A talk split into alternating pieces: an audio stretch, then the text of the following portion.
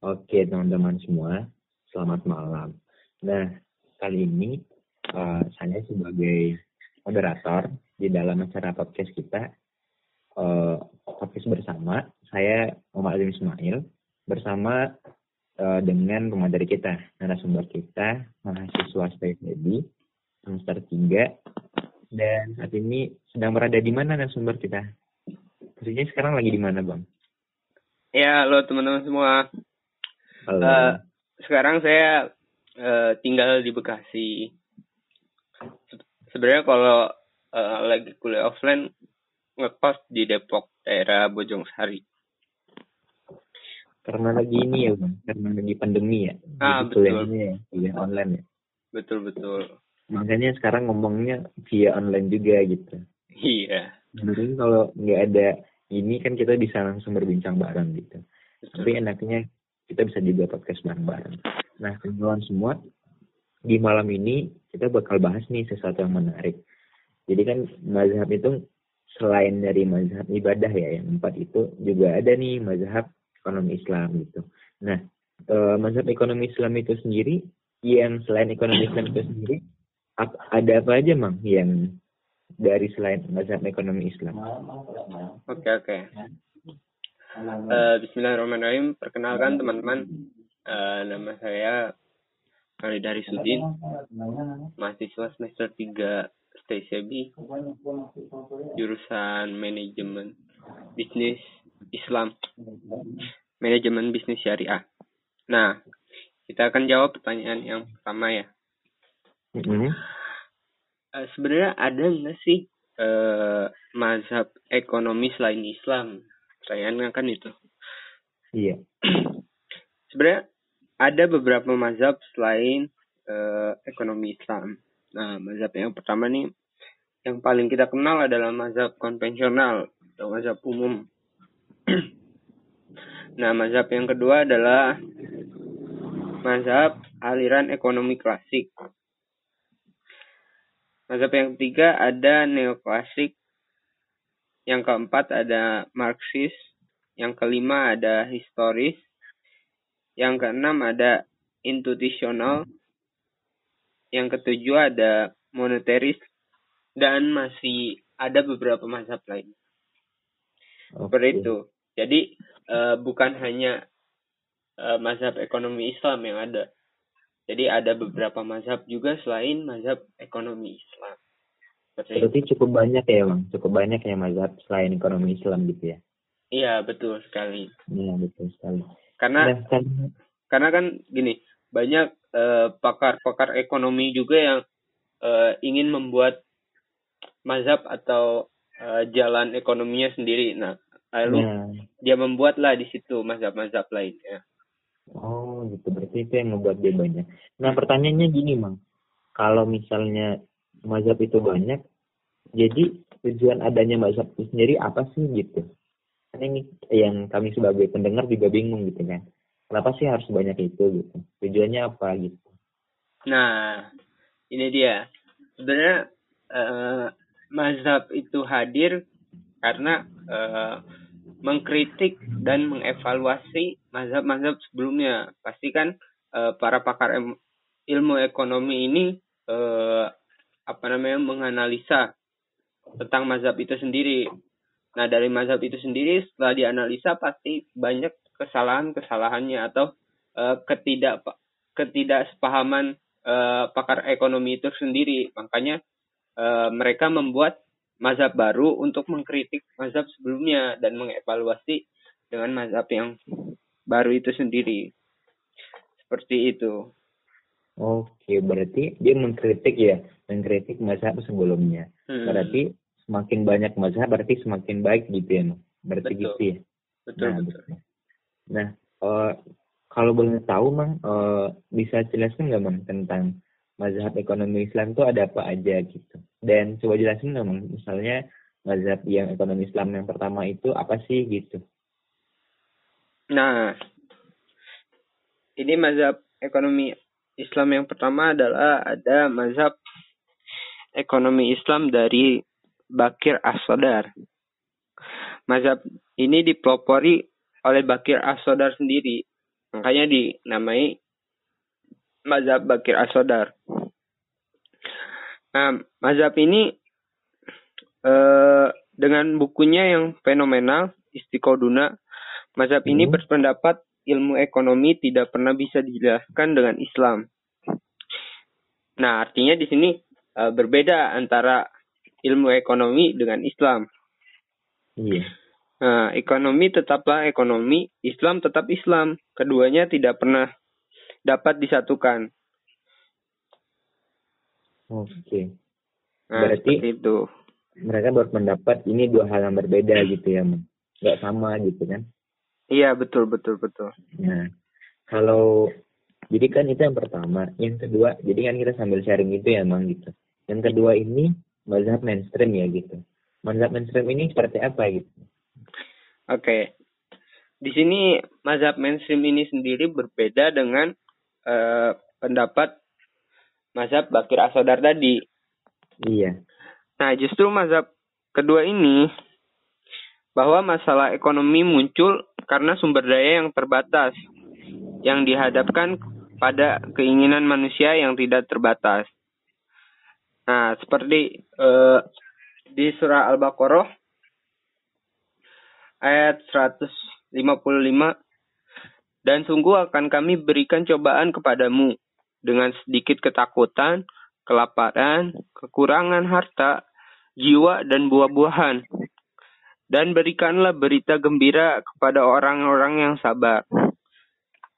Quran Surat Al-Baqarah ayat 155.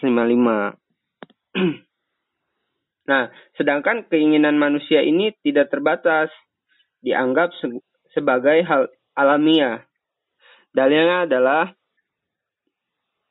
di ayat eh, di surah At-Takasur ayat 1 sampai 3.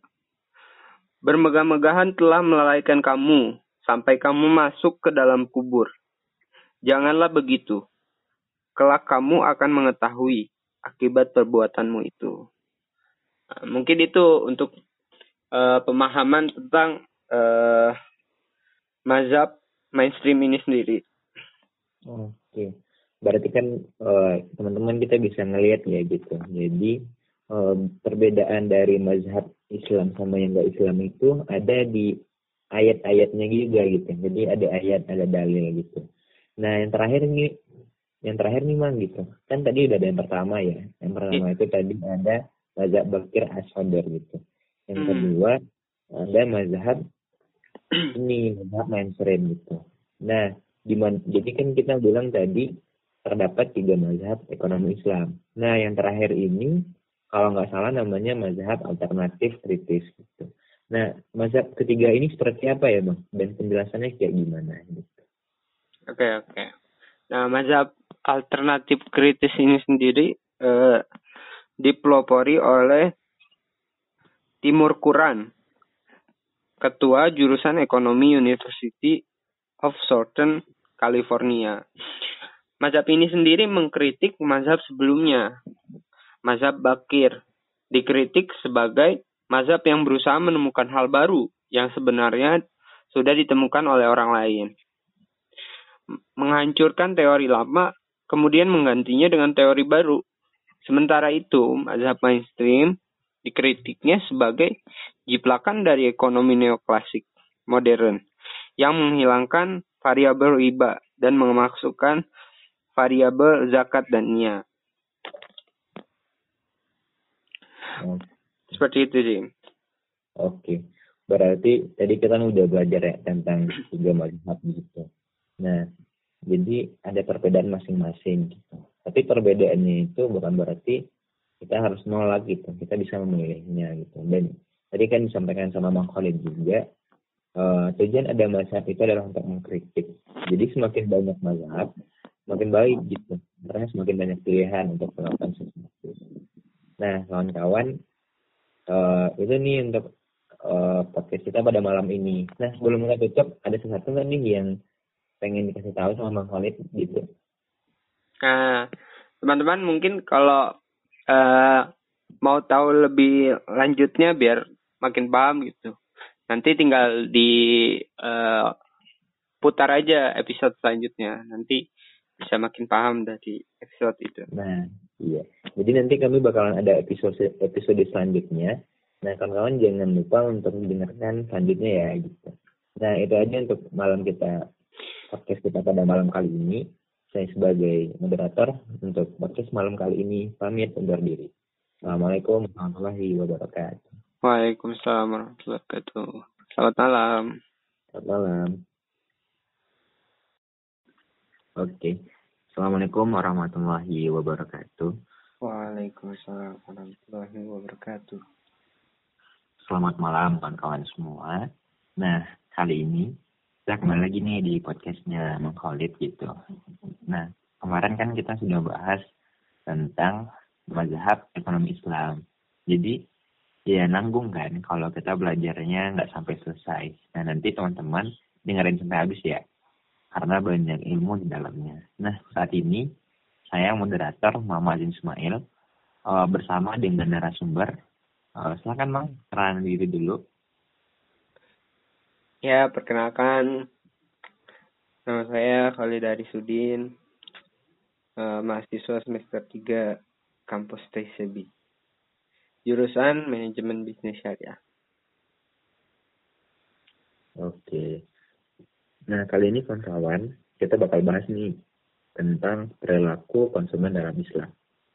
Nah, teman-teman pasti bingung juga kan, ah emang ada konsumen dalam Islam gitu? Eh, emangnya kok ada sih gitu? Padahal dulu kan belum pernah belajar. Nah, di sini kita bakal belajar bareng-bareng sama narasumber kita. Nah, silakan nih narasumber kita buat mulai terlebih dahulu. Oh, apa sih perilaku konsumen tersebut gitu?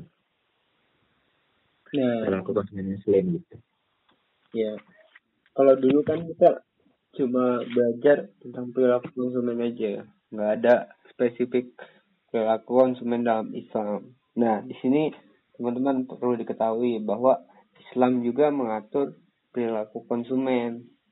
Jadi bukan hanya mengatur soal ubudiyah saja, ibadah saja, tapi mengatur juga tentang uh, perilaku konsumen. Nah, di sini tadi pertanyaannya apa sih perilaku konsumen itu sendiri? Nah,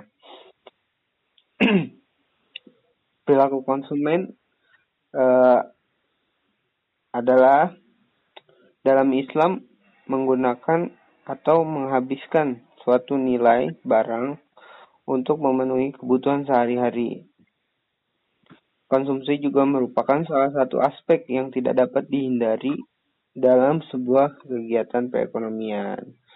Nah, seperti itu teman-teman. Uh, mungkin secara uh, pengertian ekon pengertian perilaku ekonomi dalam Islam.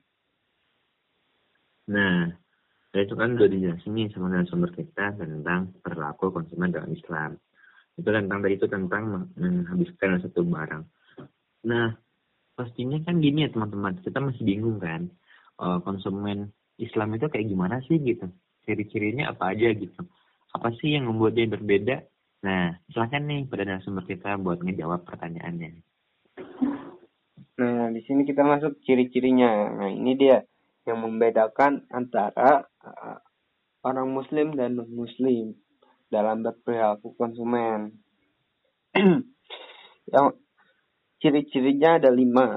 Yang pertama adalah seorang muslim dalam berkonsumsi didasarkan atas pemahaman bahwa kebutuhannya sebagai manusia terbatas. Seorang muslim akan mengkonsumsi pada tingkat wajar dan tidak berlebihan. Nah, artinya di sini uh, kita dalam mengkonsumsi barang itu tidak boleh berlebihan, teman-teman.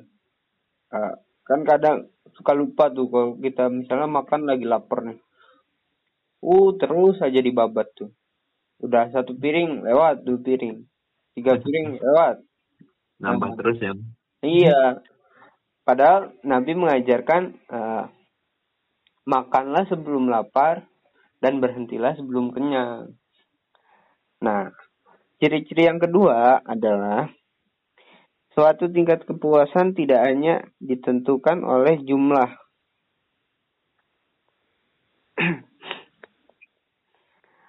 satu atau dua pilihan, namun suatu tingkat kepuasan akan ditentukan oleh kemaslahatan yang dihasilkan.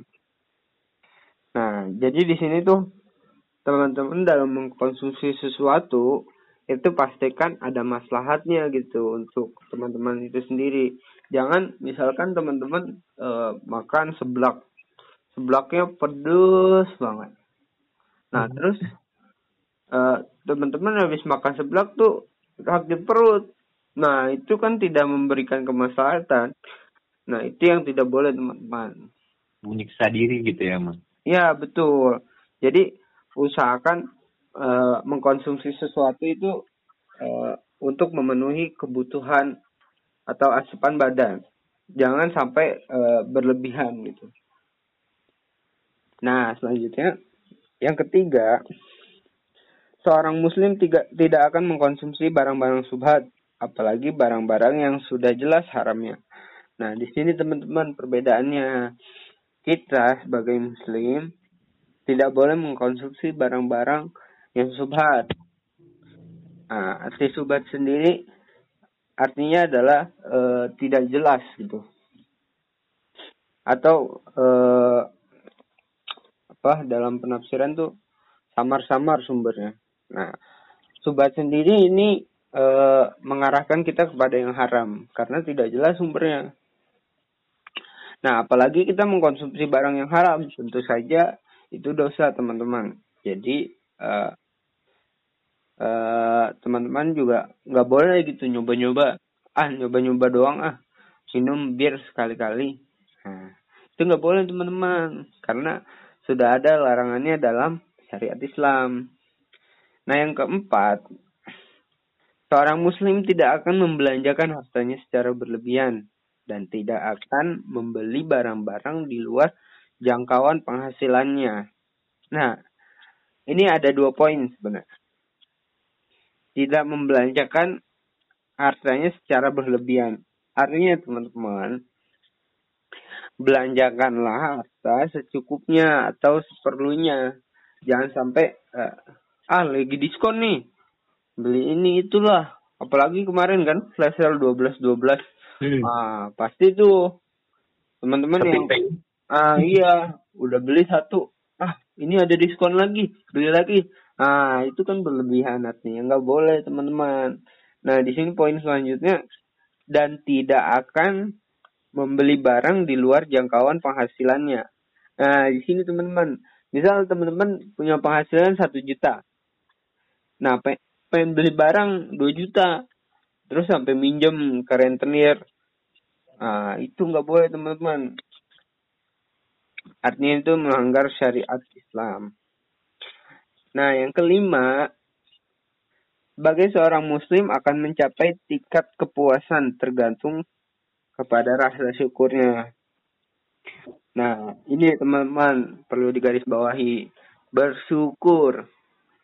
Jadi misal teman-teman mengkonsumsi sesuatu atau sudah punya barang apa pun itu, nah itu teman-teman harus bersyukur, jangan uh, ngelihat, jangan selalu ngelihat yang ke atas mulu, sekali-kali ngelihat ke bawah untuk menambahkan rasa syukur kita kepada Allah. Nah, seperti itu mungkin Zim dari ciri-ciri nah. uh, perilaku konsumen dalam Islam. Nah, jadi kan itu yang disampaikan sama narasumber kita gitu. Nah, kira-kira ada ininya nggak bang uh, etika gitu? Kira-kira kalau ada apa aja sih bang itu poin-poinnya gitu? Nah, di sini etika dalam konsumsi, etika dalam berkonsumsi. dalam pandangan Islam ini ada tiga. Yang pertama adalah jenis barang yang dikonsumsi adalah baik dan halal. Yang dimaksud halal atau iban ini adalah meliputi zat dan prosesnya. Zat artinya secara materi barang tersebut telah e, disebutkan hukum syariahnya.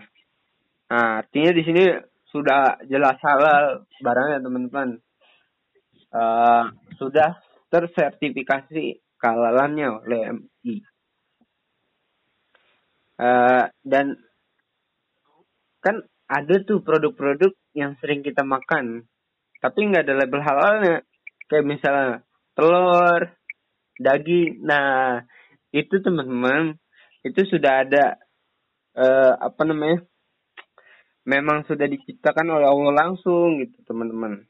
Dan itu juga uh, udah ada hukum halalnya seperti itu, teman-teman. Nah, itu dia. Jadi kan tadi uh, poin-poinnya itu banyak kawan-kawan gitu. Kalau misalnya kita ingin termasuk ke dalam konsumen Islam itu ya kita nggak berlebihan, sesuai juga. Terus kita juga kalau makan satu ya harus lihat halal haramnya juga gitu. Nah, mungkin untuk malam ini kita akan bahas sampai segitu dulu kawan-kawan. Tapi masih ada nih pembahasan kita selanjutnya yang masih berhubungan yaitu perilaku produsen dalam Islam. Nah, jadi kawan-kawan, jangan lupa ya untuk dengerin lagi dan simak sampai akhir. Nah, itu dulu ya untuk acara malam kita kali ini. Terima kasih nih untuk narasumber kita, itu dari Mang Khalid gitu. Siap, siap. Nah, oke okay, untuk malam ini kita sampai situ dulu ya. Uh, oke okay, kawan-kawan, selamat malam. Assalamualaikum warahmatullahi wabarakatuh. Selamat malam, Waalaikumsalam warahmatullahi wabarakatuh. Assalamualaikum warahmatullahi wabarakatuh. Selamat malam kawan-kawan semua.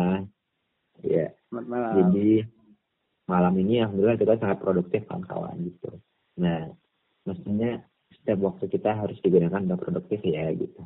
Nah, mau lagi nih di podcastnya Khalid kan gitu. Kemarin kita udah sempat bahas tentang pertama itu mazhab ekonomi Islam ya kalau nggak salah.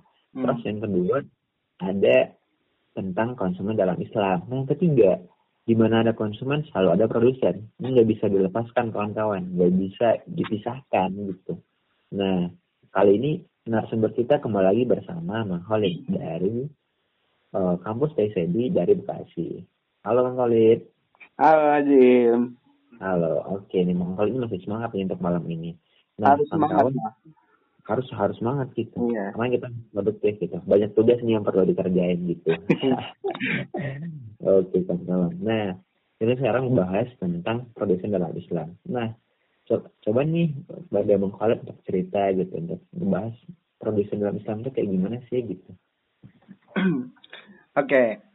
uh, di sini di episode kali ini kita bakal bahas perilaku produsen dalam Islam. Nah, tadi pertanyaannya dari moderator bagaimana sih perilaku produsen dalam Islam itu sendiri. Nah, nah iya betul sekali.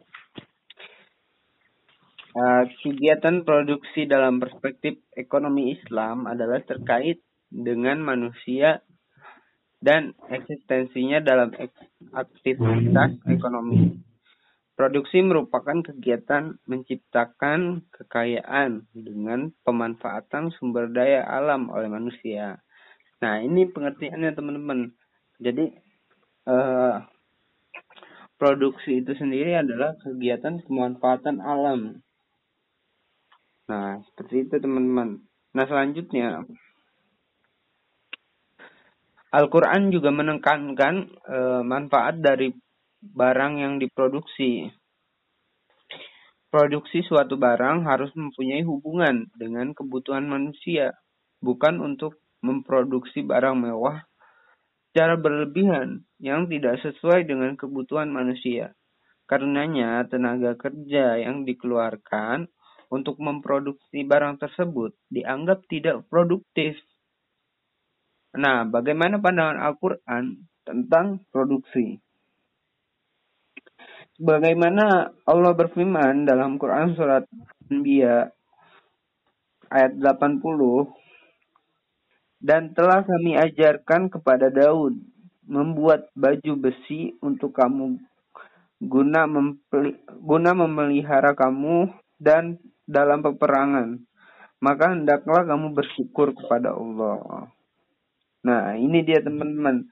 Dari ayat tersebut kita dapat terjemahkan bahwa uh, setiap apa yang diproduksi itu harus uh, sesuai dengan kebutuhannya teman-teman. Jangan juga nah, dilebih-lebihkan. Misal nah, gini Zim. Nih, misal gini Zim. Uh, nah. Tadi kan eh contohnya tuh baju besi ya untuk peperangan. Iya, Nah, misalnya betul, besi. orang eh, bikin produksi motor. Hmm. Nah, cuma bodinya itu eh terbuat dari lapisan-lapisan emas. wow. Apakah Terlalu itu kan? Apakah itu tidak berlebihan? Nah, pasti berlebihan kan. Betul betul banget berlebihan banget sih. Nah, itu aja teman-teman. Jadi sesuai lah dengan kebutuhan manusia. Jika tadi baju besi diciptakan untuk eh, melindungi kita dari peperangan, melindungi diri kita dari sabetan pedang atau Hmm. tusukan tombak. Nah, begitu pula dengan tadi contoh tadi eh, kalau kita menciptakan kendaraan misalnya motor. Nah, itu produksilah dengan eh, kebutuhan manusia. Nah, kebutuhannya kan untuk berkendara saja. Iya Nah, betul. Itu diusahakan eh, tidak terlalu mewah, apalagi tadi sampai dilapisin emas. Nah, itu kan terlalu Kalau mewah. emas gini ya, Mang. Belum diparkir langsung hilang ya. Iya, betul. Jadinya juga orang silo melihatnya. Nah, betul. Nah, selanjutnya nih. Eh, Quran surah Al-Jasiyah juga menjelaskan tentang eh, artinya dan dia telah menundukkan untukmu apa yang di langit dan apa yang di bumi semuanya sebagai rahmat daripadanya. Sesungguhnya pada yang demikian itu benar-benar terdapat tanda-tanda kekuasaan Allah bagi kaum yang berfikir. Nah, terdapat pula dalam hadis Sahih Bukhari dalam kitab Al-Muzara'ah bab man ka man min asha ashabi an-nabi sallallahu alaihi wasallam Betul. Nomor Itu, Mang. 2340.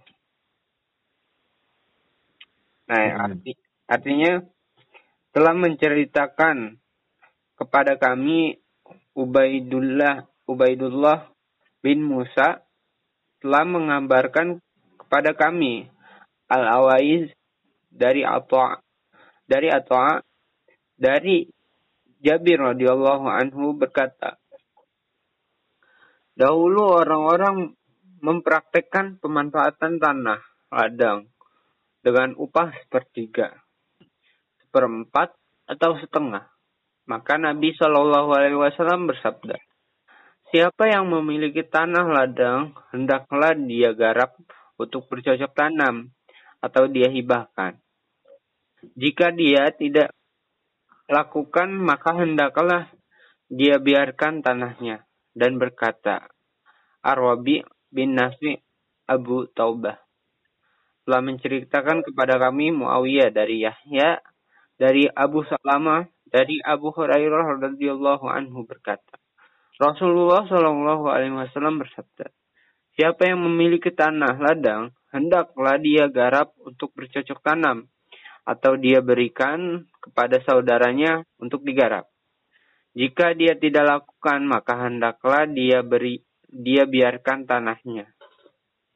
Nah, dari hadis riwayat Bukhari ini kita dapat simpulkan bahwa apa yang telah kita miliki, sumber daya yang kita miliki itu eh, sebaiknya kita eh, lebih produktifkan lagi. Misalnya kita punya ladang tanah, Hmm. Punya sebidang tanah nih Zim. Nah kita Hmm. eh kita tanamilah itu cabai, bawang, tomat. Nah biar ladang itu tuh eh bermanfaat buat buat kita sendiri. Hmm. Harus Gitu. harus kayak gitu. Iya. Jadi kalau enggak bagusnya tuh kita misalnya sewain ke orang biar tanah tuh eh, terus berguna gitu. Nah, selanjutnya selanjutnya kaitan dengan perilaku produsen dalam etika bisnis Islam, maka prinsip yang harus dipegang teguh oleh produsen adalah jujur dalam setiap melakukan transaksi sehingga dapat memperoleh ridho Allah dan kepuasan kedua belah pihak. Nah, artinya di sini ya dalam produs dalam perilaku dalam perilaku produsen perilaku produsen dalam Islam itu Hmm. sendiri haruslah antara minhum. Jadi antara eh, produsen dan konsumen nih harus ada yang namanya ridho. Hmm. Nah, ridho itu sendiri seperti apa sih? Ah, misalnya teman-teman nih beli cabai harganya 5000 sebungkus. Hmm. Nah, terus teman-teman tawar sama pedagangnya. Seribu. Nah, bang, saya beli cabai seribu. Nah, terus abang-abangnya bilang, lah, kalau seribu mah saya rugi dong. Gitu.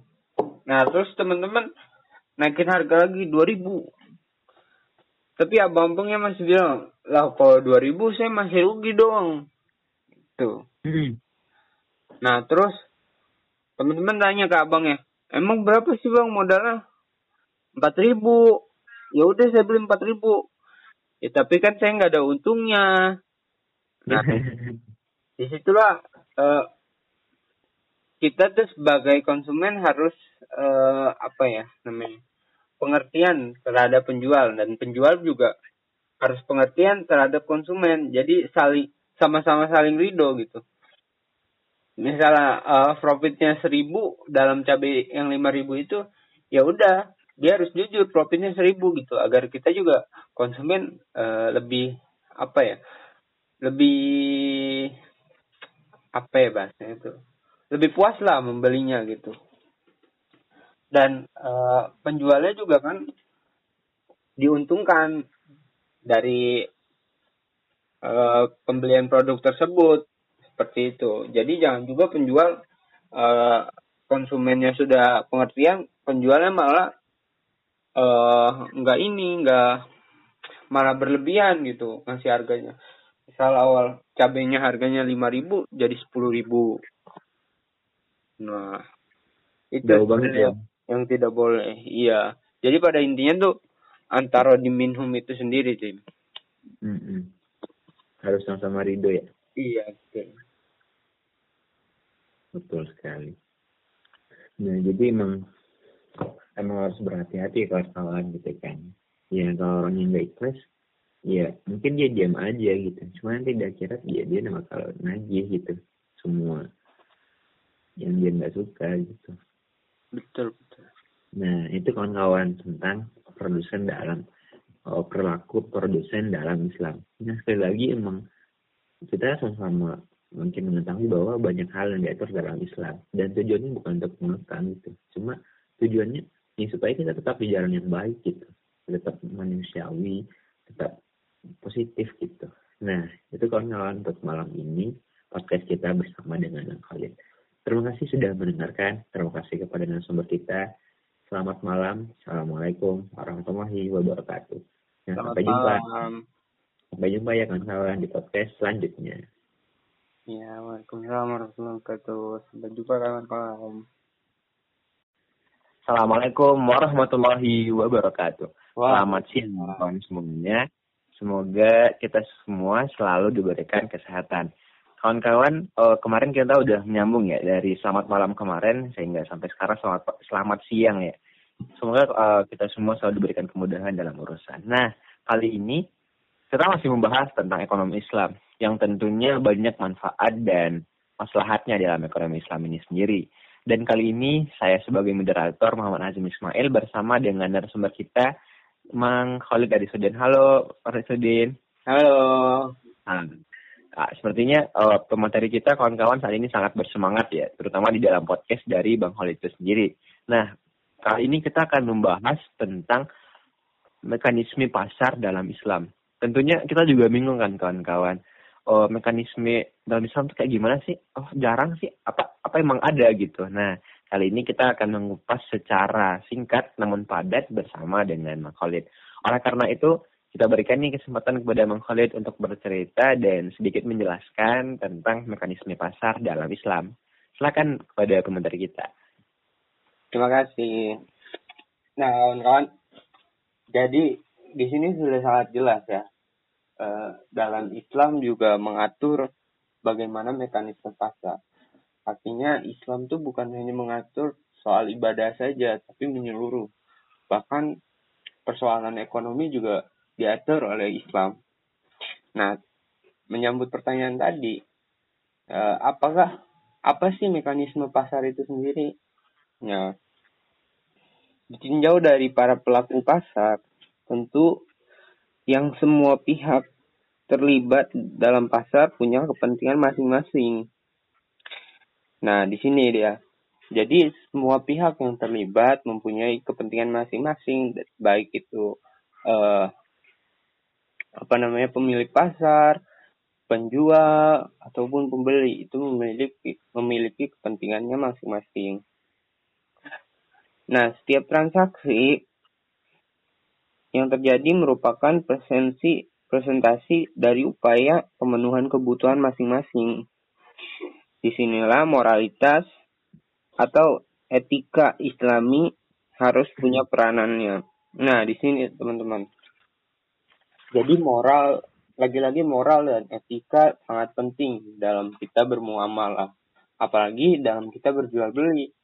Nah, di sini kita dilatih bagaimana untuk jujur, bagaimana untuk amanah, bagaimana untuk tidak uh, curang dalam menjual sesuatu atau bagaimana kita juga sebagai pembeli tidak terlalu jauh menawarkan harganya. Seperti itu teman-teman. Nah itu itu yang tadi dijelaskan semua teman dari kita ya gitu. Karena memang lagi kita nih kita ingat bersama-sama perbedaan ekonomi Islam itu ya terletak di moral dan kejujurannya itu kawan-kawan itu karena ya kadang kita membeli sesuatu ya kadang kita merasa nggak nyaman gitu kan. Karena misalnya ditipu atau misalnya dicurangin gitu. Pasti nggak enak kan gitu. Nah oleh karena itu perlu nih mekanisme dalam pasar supaya kita semua sama-sama suka sama-sama senang gitu. Uh, mentaro di mingkum gitu sama-sama ridho gitu. Nah uh, pertanyaan lagi nih untuk narasumber kita apakah ada gitu? Uh, kemarin kan kita sudah membahas tentang masa ekonomi Islam.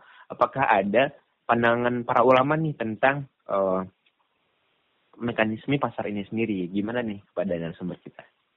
Tentu ada. Di sini uh, saya sudah menyimpulkan tiga pendapat ulama. Nah, yang pertama adalah Abu Yusuf. Abu Yusuf yang hidup di awal abad kedua Hijriah 731 sampai 798 dia telah membahas hu tentang hukum supply and demand dalam perekonomian. Nah, di sini jadi ulama terdahulu juga sudah pernah membahas teman-teman tentang supply and demand. Jadi bukan hanya dari ulama barat saja, bahkan ulama Islam tuh sudah terlebih dahulu membahas tentang ilmu ekonomi ini sendiri. Setiap transaksi yang terjadi merupakan pemahaman yang berkembang ketika itu mengatakan bahwa bila tersedia sedikit barang maka harga akan mahal dan bila tersedia banyak barang maka harga akan murah. Nah, di sini Abu Yusuf membantah akan hal itu, teman-teman. Karena pada kenyataannya persediaan barang tidak selalu diikuti dengan kenaikan harga. Dan sebaliknya, persediaan barang melimpah belum tentu membuat harga akan murah.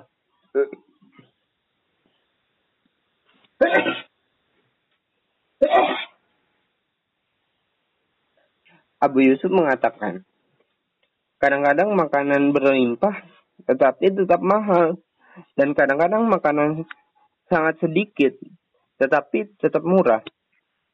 Nah, Abu Yusuf sudah menemukan bahwa tingkat harga tidak hanya bergantung pada penawaran semata, namun kekuatan permintaan juga penting. Nah, contohnya eh, contohnya seperti emas. Emas kan meskipun eh, berlimpah itu tidak akan membuat harganya turun drastis. Misal sampai lima puluh ribu per gram ah, kan nggak mungkin makanya di situ tuh Abu Yusuf membantah akan hal itu karena pada kenyataannya di beberapa hal itu uh, tidak terjadi uh, hal yang seperti itu. Nah selanjutnya uh, pandangan ulama yang kedua adalah Imam Al Ghazali. Nah di sini ini ulama yang cukup terkenal dalam ekonomi Islam. Dalam penjelasannya tentang proses terbentuknya suatu pasar, ia mengatakan, dapat saja petani hidup di mana alat-alat pertanian tidak tersedia. Sebaliknya, pandai besi dan tukang kayu hidup di mana lahan pertanian tidak ada. Tidak dapat tukang kayu membutuhkan makanan, tetapi petani tidak membutuhkan alat-alat tersebut. Nah, keadaan ini menimbulkan masalah oleh karena itu, secara alami pula orang akan terdorong untuk menyediakan tempat penyimpanan alat-alat di suatu hmm. pihak dan penyimpanan hasilan pertanian di pihak lain. Nah, pandangan ulama yang ketiga adalah Ibnu Taimiyah. Menurutnya, pasar yang ideal adalah pasar bebas dalam bingkai nilai dan moralitas Islam yaitu pasar yang bersaing bebas kompetitif. Assalamualaikum warahmatullahi wabarakatuh. Selamat siang kawan-kawan nih gitu. eh, kawan-kawan, uh, sekarang nih kita udah masuk ya uh, dalam pembahasan podcast kita tentang pasar dan harga dalam Islam. Nah, sebenarnya kalau teman-teman memperhatikan dari awal tadi misalnya kita yang kita bahas ada mazhab dalam ekonomi Islam, terus ada juga teori konsumen dalam Islam, teori produsen dalam Islam dan uh, tadi ada juga ya mekanisme harga harga dalam Islam dan sekarang ini tentang pasar dan distorsinya gitu. Uh, jadi sebenarnya itu adalah dua hal ya beberapa hal yang saling berhubungan gitu. Nah kita sekarang udah lanjut ke harga dan pasar dalam Islam. Mungkin yang tadi mungkin masih terlalu umum gitu. Nah sekarang kita akan membahas sebenarnya kebijakan Islam itu sendiri terkait harga dalam pasar itu seperti apa gitu. Apakah ditentukan, apakah dibiarkan seperti seperti itu aja atau ada ketika yang harus perlu dilakukan. Nah, oleh karena itu saat ini saya bersama narasumber kita nih kawan-kawan di podcastnya Bang Khalid yaitu Bang Khalid Arisudin dari kampus TSB nih semester 3. Nah, gimana kabarnya Bang Khalid? Alhamdulillah baik. Ajim gimana kabarnya? Alhamdulillah baik. Nah, hmm. oke okay, kawan-kawan nih, tanpa kita mengurangi waktu lagi, yuk mari kita dengerin langsung nih bagaimana penjelasan dan cerita tentang harga dan pasar dalam Islam versi narasumber kita dari Bang Khalid. Kepadanya langsung aja nih, Bang. Oke, okay, oke. Okay. Nah, oke okay, kawan-kawan. Uh, menanggapi pertanyaan Nazim tadi soal uh, harga dan pasar uh, dalam Islam, dalam pandangan Islam, itu bagaimana sih? Nah, di sini kawan-kawan, ternyata Islam tuh mengatur pasar itu secara menyeluruh, mulai dari perilaku, perilaku konsumen, perilaku produsen, terus juga mekanisme pasarnya yang sebelum sebelumnya kita bahas.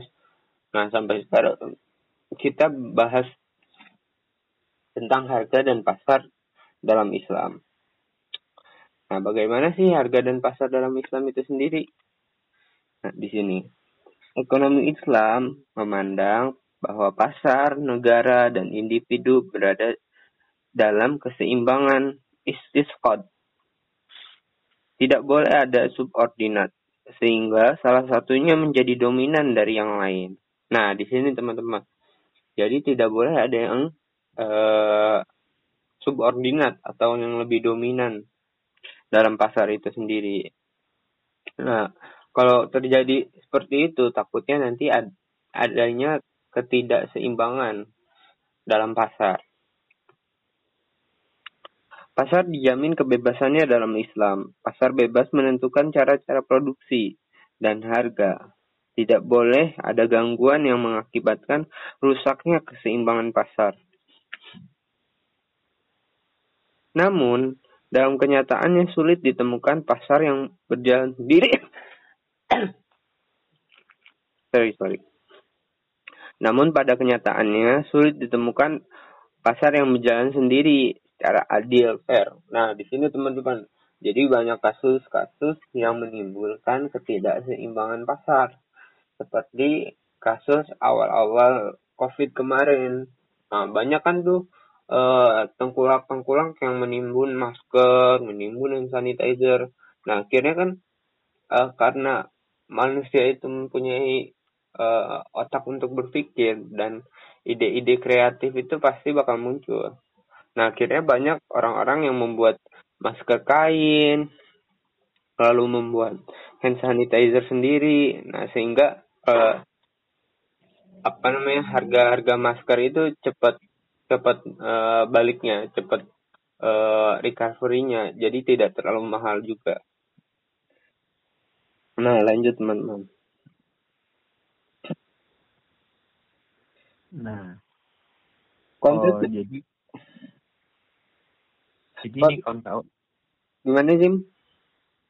eh ini emang kita lanjut lagi nih pertanyaan selanjutnya. Hmm. Kalau dalam Islam itu sendiri kita netapin harga tuh kayak gimana sih mang gitu. Terus eh, pertimbangannya apa aja gitu. Hmm. Nah, di sini teman-teman sebenarnya pada umumnya sih eh, sudah dikatakan yakni eh, dalam menentukan harga itu kita dua kali modal pada umumnya. Namun di sini kita juga harus memperhatikan faktor-faktor eh, yang membuat orang tuh membeli produk kita. Itu teman-teman. Apakah produk kita ini mengedukasi orang ataukah tidak? Apakah produk kita juga dibutuhkan orang ataukah tidak? Nah, di sini faktor pentingnya teman-teman.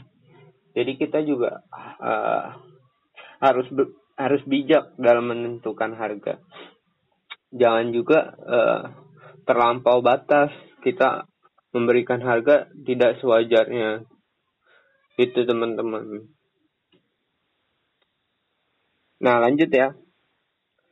Bagaimana yang telah dibahas di awal bahwa masalah pengawasan atas harga muncul pada masa Rasulullah SAW itu sendiri telah diceritakan dalam hadis bahwa Rasulullah menolak menetapkan harga.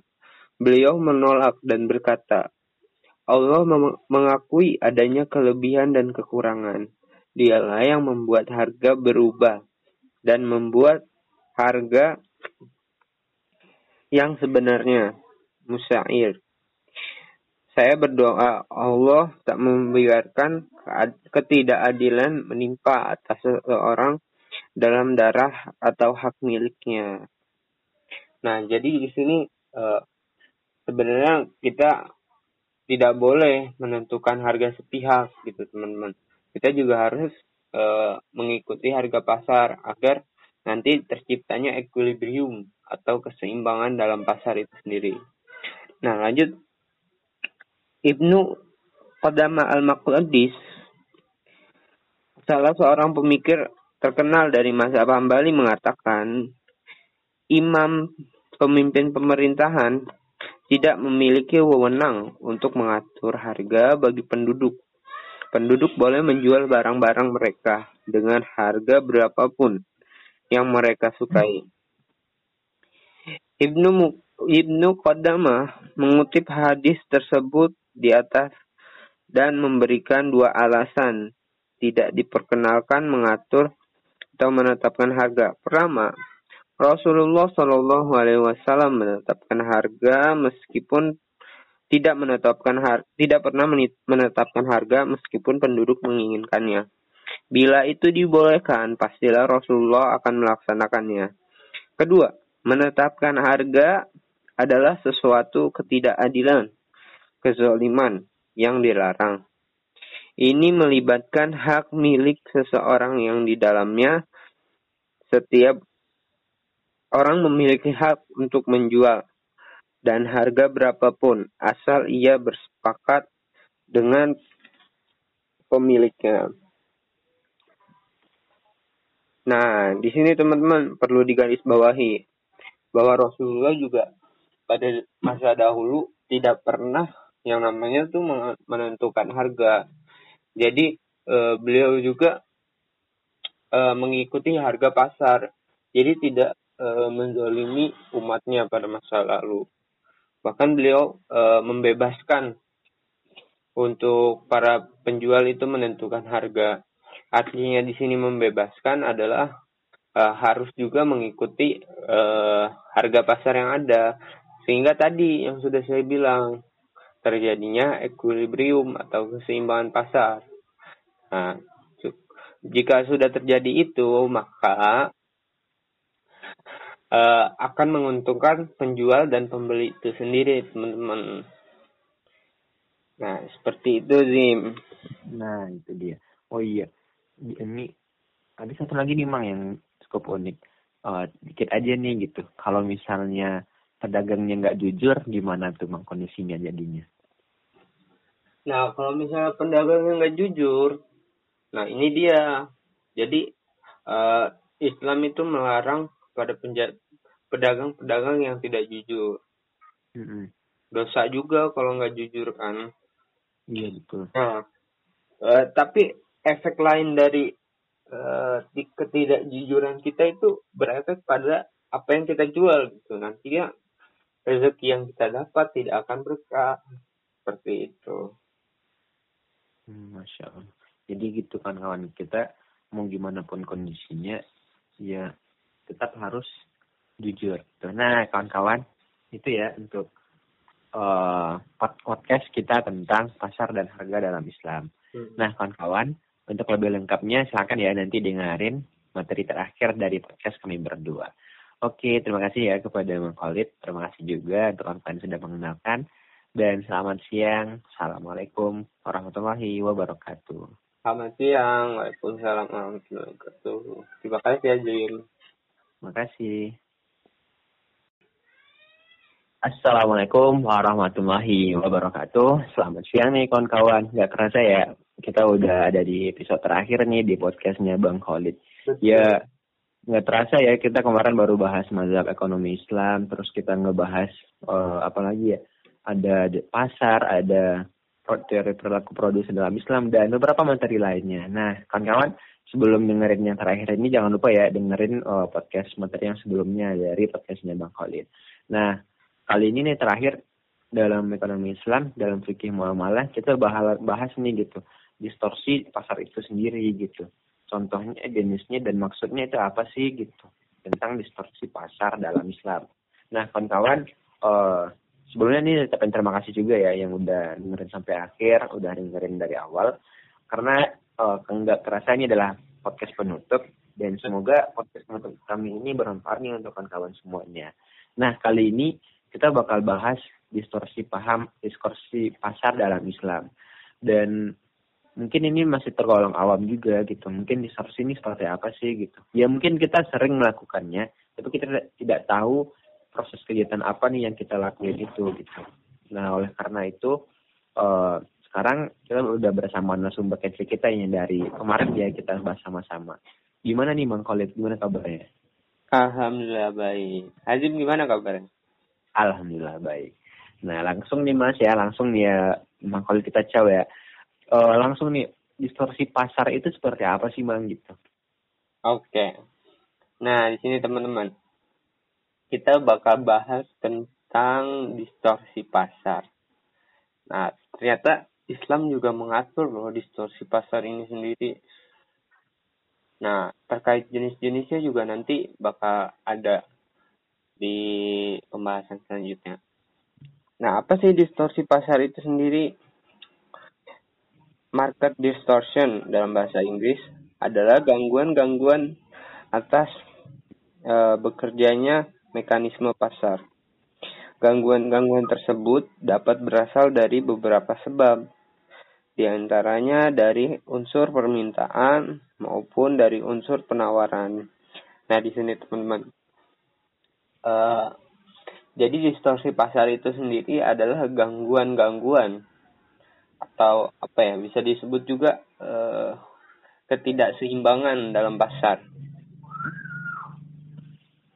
Nah, contohnya adalah distorsi pada struktur pasar.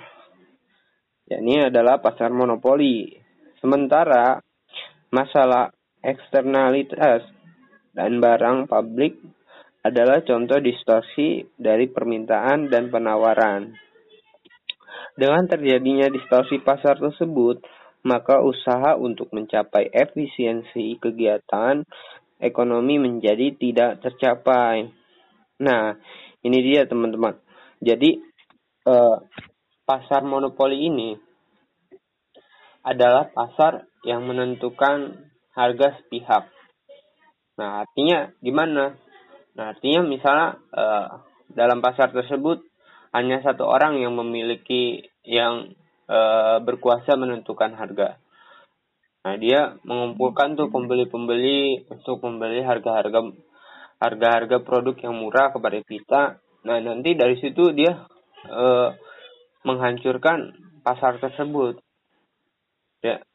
Ya, mungkin dengan menimbun barang, lalu menaikkan harga semaunya. Nah, seperti itu, teman-teman.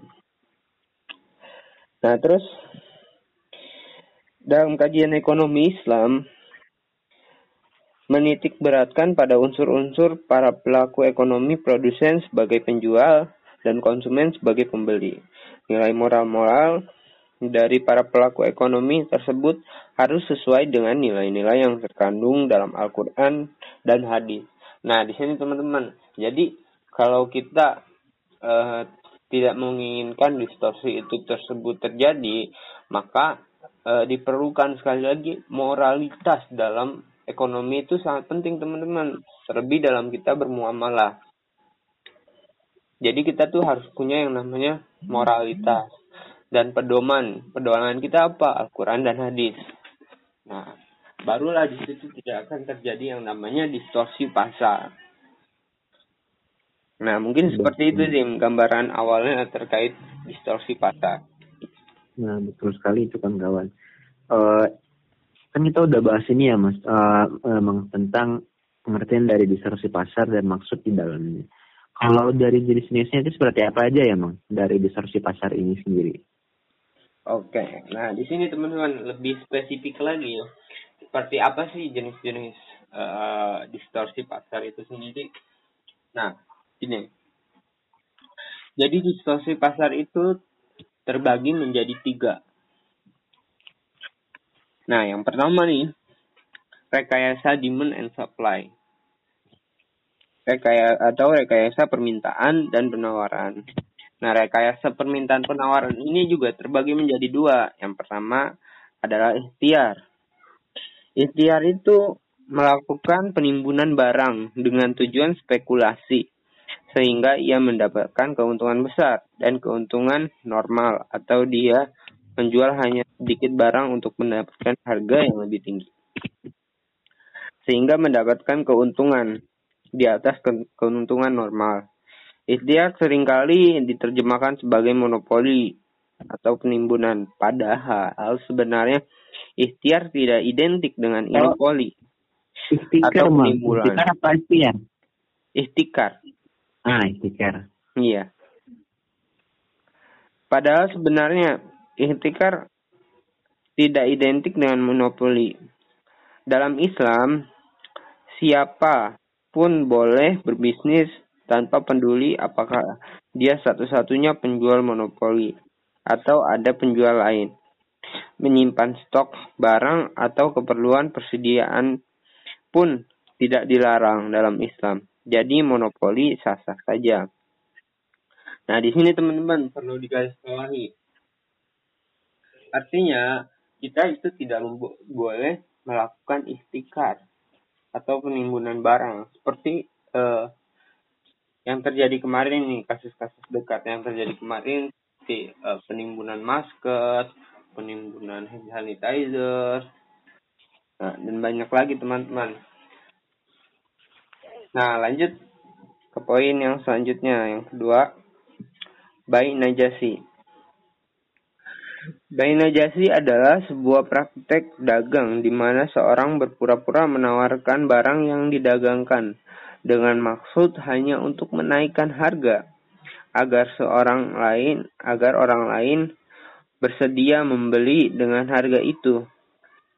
Ibnu Umar radhiyallahu anhu berkata, Rasulullah Shallallahu alaihi wasallam melarang keras praktek jual beli bayi najasi.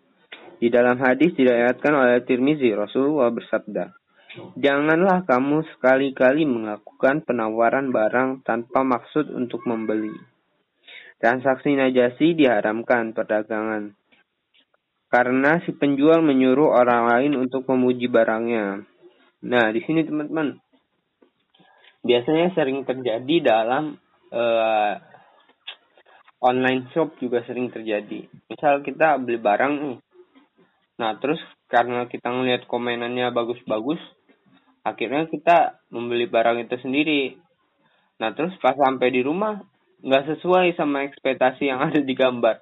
Nah itu sering terjadi teman-teman. Biasanya ya, itu tuh uh, pembeli-pembeli yang komenannya bagus itu biasanya udah dibayar oleh uh, suppliernya oleh yang punya toko. Nah, jadi dia harus memberikan komentar bagus dengan uh, diberikan barang secara cuma-cuma seperti itu. Nah, selanjutnya poin yang kedua yakni penipuan atau tadlis. Tadlis adalah kondisi di mana satu pihak tidak mengetahui kondisi yang sebenarnya, to one party. Sehingga pihak yang mengetahui informasi memanfaatkan kondisi tersebut untuk mendapatkan keuntungan dengan menipu pihak yang tidak tahu. Kondisi ini disebabkan karena adanya incomplete information. Tadlis bisa terjadi dari segi kualitas, kuantitas, harga, waktu penyerahan. Tadlis ini terjadi karena adanya ketidakjujuran di antara pihak yang melakukan transaksi. Itu menurut uh, Abdul Warman Karim. Nah, sistem ekonomi Islam melarang hal ini, ketimpangan informasi tentang barang yang diperjualbelikan karena adanya karena dengan adanya informasi yang tidak sama antara kedua belah pihak, maka unsur unsur eh, tarot minkum kerelaan bersama dilanggar. Untuk menghindari penipuan, masing-masing pihak harus mempelajari strategi pihak lain. Dalam ekonomi konvensional, hal ini dikenal dengan zero sum game theory. Al-Quran dengan tegas melarang semua transaksi bisnis yang mengandung unsur penipuan. Nah, di sini teman-teman, jadi uh, tidak boleh adanya penipuan dalam jual beli. Nah, misalnya uh, penjual uh, penjual menaikkan harga di toko ini di toko A menaikkan harga misalnya 10%.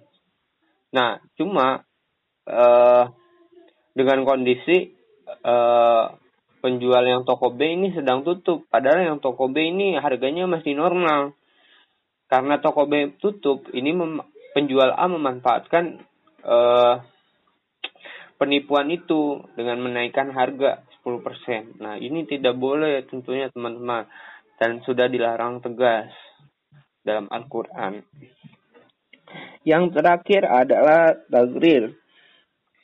Tagrir berasal dari kata bahasa Arab gorol yang berakibat yang berarti akibat bencana, bahaya, fisik, dan ketidakpastian.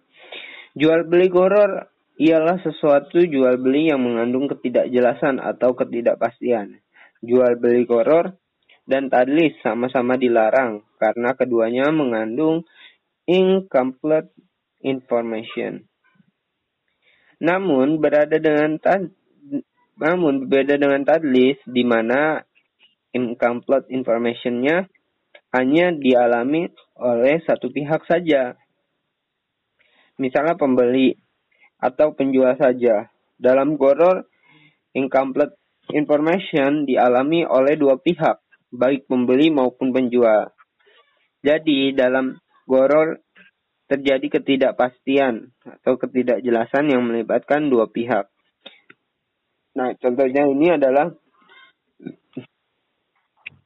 jual beli ijon atau anak sapi. Anak anak sapi yang masih dalam kandungan induknya. Menjual ikan yang ada di dalam kolam dan berbagai macam lainnya. Nah, seperti ini teman-teman. Jadi ini tidak boleh dilakukan. Seperti misalnya menjual anak sapi yang masih berada dalam kandungan induknya. Kan belum tentu juga e, anak sapi itu masih hidup. Nah, ini perlu kejelasan teman-teman. Jadi kalau misalnya anak sapi ini mati, nanti gimana? Kita juga kan harus menanggung biayanya juga. Artinya rugi dikit ya dong. Atau tadi membelikan dalam kolam. Nah, kita kan nggak tahu ikan dalam kolam itu berapa jumlahnya, terus uh, beratnya berapa. Nah, ini teman-teman tidak boleh uh, ada akan jual beli yang tidak jelas kepastiannya. Nah, ciri-ciri dari goror ini sendiri ada empat. Yang pertama, barang yang diperdagangkan belum ada. Yang kedua, penjual tidak dapat menyerahkan barang. Yang ketiga, penjualan barang dilakukan dengan cara penipuan atau menarik minat pembeli supaya menarik untuk melakukan transaksi. Yang keempat, kontrak tidak jelas sehingga mengiring pembeli kepada praktek penipuan dari segi kuantita, kualitas, kuantitas, dan harga. Nah, mungkin seperti itu, Jim dari hmm. jenis-jenis uh, distorsi pasar itu sendiri. Oke, terima kasih kepada Mang Khalid ya. Jadi kawan-kawan uh, sudah sangat lengkap ya yang dijelaskan di dalam podcast ini, mulai dari mazhabnya, dari dasarnya sampai ke bagian distorsi pasar yang sering kita alami nih gitu. Nah kawan-kawan, silakan kawan-kawan uh, baca lagi kalau misalnya dengarkan lagi, kalau misalnya ada yang kurang paham, ada yang kurang rasanya kurang mengerti. Dan semoga podcast yang kami buat ini bermanfaat dan kawan-kawan selamat mendengarkan dan terima kasih juga dari kami sudah bersedia dan meluangkan waktunya untuk mendengarkan. Terima kasih juga kepada Bang Khalid yang udah mau juga berbagi ilmu bersama kita. Oke. Okay. Nah, akhirul kalam nih kawan-kawan. Uh, terima kasih dan sama-sama saya dan Bang Khalid minta maaf kalau misalnya ada ketidakjelasan atau ada kekurangan. Terima kasih atas seluruh perhatian. Dan yuk sama-sama kita baca Alhamdulillah. Alhamdulillah. Assalamualaikum warahmatullahi wabarakatuh. Waalaikumsalam warahmatullahi wabarakatuh.